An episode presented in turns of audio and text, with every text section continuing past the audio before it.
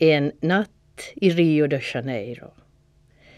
Det här ska bli en bok om mig. Mig, det är jag. Och jag är en katt från Åland med stor yvig svans och smaragdgröna ögon. Allt annat, utom några vita strån under hakan, är svart på mig. Till och med min nos, mina ögonbryn, morrhår och trampdynor är svarta. Jag är stor. Jag väger sex kilo och är en meter från svansspetsen till nosen. Jag är i mina bästa år och ganska vacker, om jag får säga det själv. I min trappa i stan finns en flickkatt som har det vackraste namn jag vet. Cherie. Hon, Cherie, säger att de där vita stråna under min haka ser ut som en frackrosett. Hon vet vad en frackrosett är, för det brukar hennes husse ha ibland när han ska vara riktigt fin och gå på middag med sina chefer eller när han ska gå på bröllop. Hon tycker stråna är vackra. Jag heter Dylan.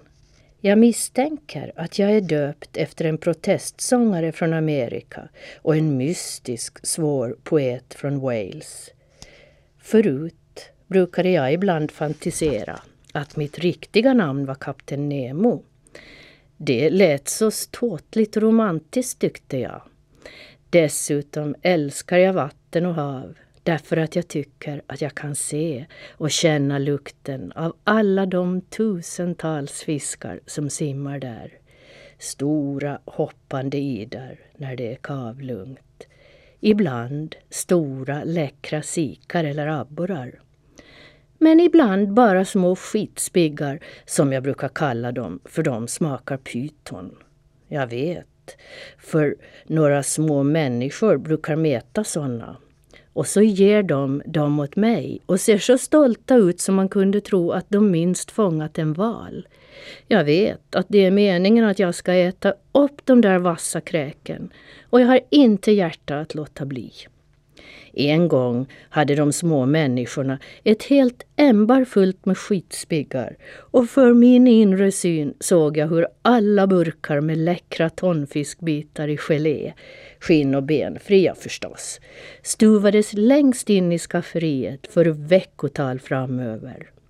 Jag minns att jag suckade djupt och skälvande och undrade om jag skulle ge mig av till ett äldre barnbarnslöst par som inte mätade utan åt räkor och puffar, såna där som man köper på färjan.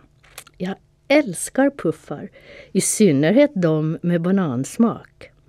Men innan jag hunnit besluta mig kom en flock måsar skränande och dök ner i ämbaret med spiggarna. De små människorna hade sprungit upp till stugan efter sin choklad som de knyckt av sin mormor. Jag låg blickstilla och tryckte mot berget för att måsarna inte skulle bli förskräckta. De åt upp varenda liten skitspigg. Vilka fantastiskt nyttiga djur, tänkte jag. Dumma förstås, men nyttiga. Men det där med kapten Nemo, Numera skulle jag inte vilja heta Nemo, för det betyder ingen. Det visste jag inte förut. Jag kan ju inte heta ingen, för jag är ju någon. Jag är Dylan. Dylan Silkestas brukar matte säga ibland när hon gör sig till för mig. Ibland kallar hon mig Dylan Plymsvans. Det tycker jag om, för jag är sakotigt stolt över min stora och yviga svans. Bredvid den ser en vanlig bondkatts svans ut som en pjuttig snörstump. Min plymsvans har jag ärvt av min far. Inte så att han skulle ha dött och gett sin svans åt mig, utan så att han är halvan gora katt med lurvig päls och yvig svans. Och när jag föddes hade jag likadan svans som han. Det kallas att ärva. Det var min mamma som berättade det för mig. Hon tyckte att min pappas svans var himla stilig. En sak till har jag ärvt av min far. Så tror jag åtminstone. Det är någonting som bara jag vet om och ibland skäms jag lite för det. Men jag tänker berätta i alla fall, för det är ganska viktigt för mig. Det är så att jag har en ficka ovanför högra framtassen. Det är den jag tror att jag har ärvt. Den syns inte alls. Men jag brukar ha mina hemligaste saker i den. Till exempel en dikt som jag skrivit om en ekorre. Långt, långt borta i Australien finns det stora djur som hoppar otroligt långt och högt. Flera, flera meter. Kängurus kallas de. Och de har en ficka på magen. Jag brukar tänka att det säkert måste finnas andra djur i Australien som också har en ficka. Inte på magen kanske, men ovanför högra framtassen. Till exempel katter. Och då tänker jag att min farfar föddes i Australien och var en sån katt. När min farfar blev stor tog han hyra, för så heter det på sjömansspråk när man far till sjöss, på ett av Ålands segelskepp då det kom till Australien. Och en mörk höstkväll ankrade skeppet i Mariehamn och där träffade min farfar en kattflicka som blev min farmor. Och när min pappa föddes hade han ärvt en ficka ovanför högra framtassen av sin far. Och när jag föddes hade jag en likadan ficka. Jag tror att min pappa också har varit till sjöss. Jag brukar tänka att han är kaphornare, en sån där salt sailor-katt som rundat kaphorn, eller Hornet som vi lite insatta i sjömansspråk brukar kalla den där udden i sydligaste Sydamerika. För att bli en äkta kaphornare måste man runda den på ett segelskepp och jag tror att min pappa gjorde det på hertsogin Cecilie, det stoltaste av alla världens segelskepp. När min pappa slutade till sjöss kom han hem till Mariehamn. Han var stor och trygg och gick med sån där vaggande gång som riktiga sjömän får. Och så hade han en sån där glad och tuff glimt i ögonen som man får när man sett stora världen och min mor som är en underbart mjuk liten finlemmad kattmamma. Vit och grå med vita ögonbryn och morrhår, stjärnos och skära trampdynor. Hon blev upp över öronen förälskad i den stiliga, tuffa pirat. För så hette han, min far, brukar jag tänka. Ibland när jag ligger och halvslumrar i min blå sammetsstol brukar jag drömma om hur det gick till när min far en gång kom till Rio de Janeiro, den stora stan i Sydamerika med sockertoppen och karnevalerna med alla vackra utklädda flickor. Så här drömmer jag. Hertigin Cecilie ligger vid kajen. Solen håller på att gå ner. De sista strålarna glittrar i hamnens mörka vatten. Albatrosserna sitter i riggen och minns när de var sjömän och gick i land i Rio. Min pappa står lutad på däck. Han tittar drömmande upp mot stjärnorna som börjat spricka ut. Så ser han ut över den neonglittrande stan. Efter en stund går han i land med bakfickan putande av tjocka sedelbuntar. Efter bara några steg i den mörka gränden som leder upp till hamnkvarteren har han en svans av Rios vackraste kattmisser efter sig. Så går han in på en krog som heter Blå Stjärnan och efter några nävar puffar och ett par munnar rom utmanar han alla Rios kattor på armbrytning. 50 katter anmäler sig och han bryter ner dem allihop med ett småleende. Men så stiger kungen i Rio in. Han är stor, han är stark. Musklerna sväller under den glänsande lejongula pälsen. Hans svarta ögon blixtrar. Hans klor glimmar som polerade elefantbetar och svansen piskar som hagel i orkanbyar. Min pappa reser sig upp och ställer sig framför kungen, bredbent som en viking. Han mäter honom med blicken. Bara en liten, liten skälvning i morrhåren visar att han är på sin vakt. Så tar han upp en näsduk med en svart dödskalle på ur sin ficka, lägger den på bordet, sätter sig ner vid långsidan av bordet och bjuder med en befallande tassgest kungen att ta plats mitt emot honom. Inte ett ljud kommer över hans läppar. Med ett dovt morrande slår sig kungen ner. Min far ler frostigt och visar sina vassa, glänsande istappständer. Det blir dödstyst i krogen. Till och med ölet i stopen slutar sisa och den stora fläkten i taket stannar likt en mus som paralyserats av en kungskobra. Pipröken ligger stilla och tät som en ruvande dimbank över Golden Gate i Frisco, you know. Minsta knirrande golvplanka tystnar.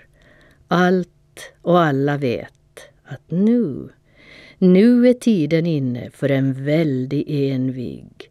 Den största någonsin i Rio. Kanske i hela världen.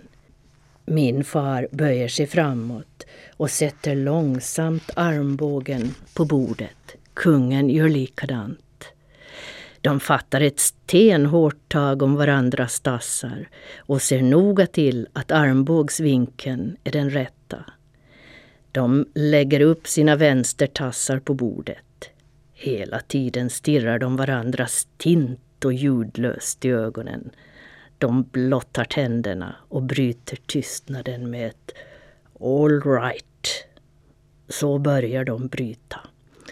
Inte en tum ger de vika. Klorna på deras vänstertassar klöser sig in i det gamla ekbordet. En darrning far genom deras brytartassar.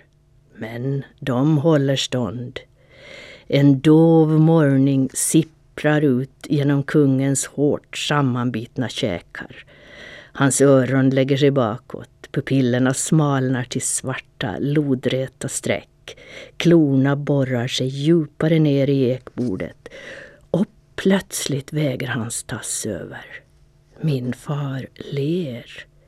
Snart är hans tassrygg bara en tum från den blanknötta bordsskivan. Den gamla klockpendeln håller andan.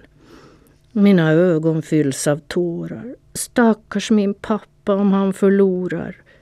Och lite stackars mig också. Alla vill vi ju ha en stark och modig pappa. Min fars leende blir bredare. Just då hans tass bara är en kvarts tum från bordet kastar han plötsligt en blick mot dörren och ropar ett glatt och överraskat. Nej men hej Maja Gräddnos! Lika söt som alltid ser jag. Vad gör du i Rio? När kom du? Kungen slappnar av en hundradels sekund och vänder sig mot dörren. För sent märker han att dörrhålet är tomt, lika tomt som slumkatternas magar. Hans tassrygg ligger platt som en flundrunge på bordet, nerpressad i ett järngrepp av min far. Ännu ett ögonblick är det tyst och så bryter jublet loss. Ölet sisar, klockpendeln svänger, fläkten snurrar och röken ringlar ut genom källargluggen. Golvplankorna knirrar. Min far torkar sig i pannan med sin dödskalle näsduk. Så kastar han ut en näve sedlar, så en till, så ännu en. Det blir ett ösregn av pengar i krogen. Så torkar han sig i pannan än en gång och ger näsduken åt den vackraste av alla uppasserskor. Han bugar djupt och kysser hennes lilla diskskrynkliga tass med lite avskavt nagellack på klorna. Hon trycker näsduken mot sin kind och suckar av lycka. Så strålande vacker är hon där hon står och skimrar med ögonen att krogvärden blir kär och friar på stund och hon säger ja och de beslutar att köpa en diskmaskin så att ingen ska behöva få diskskrynklor på tassarna mer. Min pappa räcker fram sin tass mot kungen. Efter ett ögonblicks tjurande fattar kungen den och frågar med en bugning om han, min pappa, kunde tänka sig att bli finansminister i Rios kommande regering.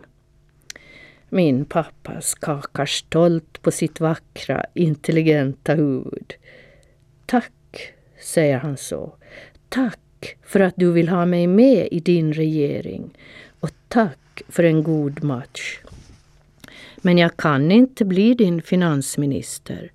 Jag hör inte hemma här under ekvatorns glödande sol. Mitt hem och mitt hjärta finns i en övärld i norr. Hans ögon fuktas och för sin inre syn ser han en fin lämmad, härligt mjuk liten kattjungfru där hemma på Åland. Och han drömmer om en svart kattson med plymsvans. Så går han ut i mörkret och på sin väg till skeppet låter han sedelregnet forsa ner över alla fattiga och sjuka slumkattor. Så mycket pengar får de att de aldrig mer behöver gå med tomma magar. Mitt på landgången stannar han, tittar på den upplysta sockertoppen, låter blicken vandra vidare mot Södra korset lyfter tassen till en hälsning, säger farewell och all right och äntrar hertigin Cecilie, eller hertiginnan som han kallar henne. I riggen sitter en albatross och tittar på min far med visa, urgamla ögon. Min far säger att ja, du kära gamla albatross, Rio är sig allt likt. Flickorna är lika vackra och natten lika svart.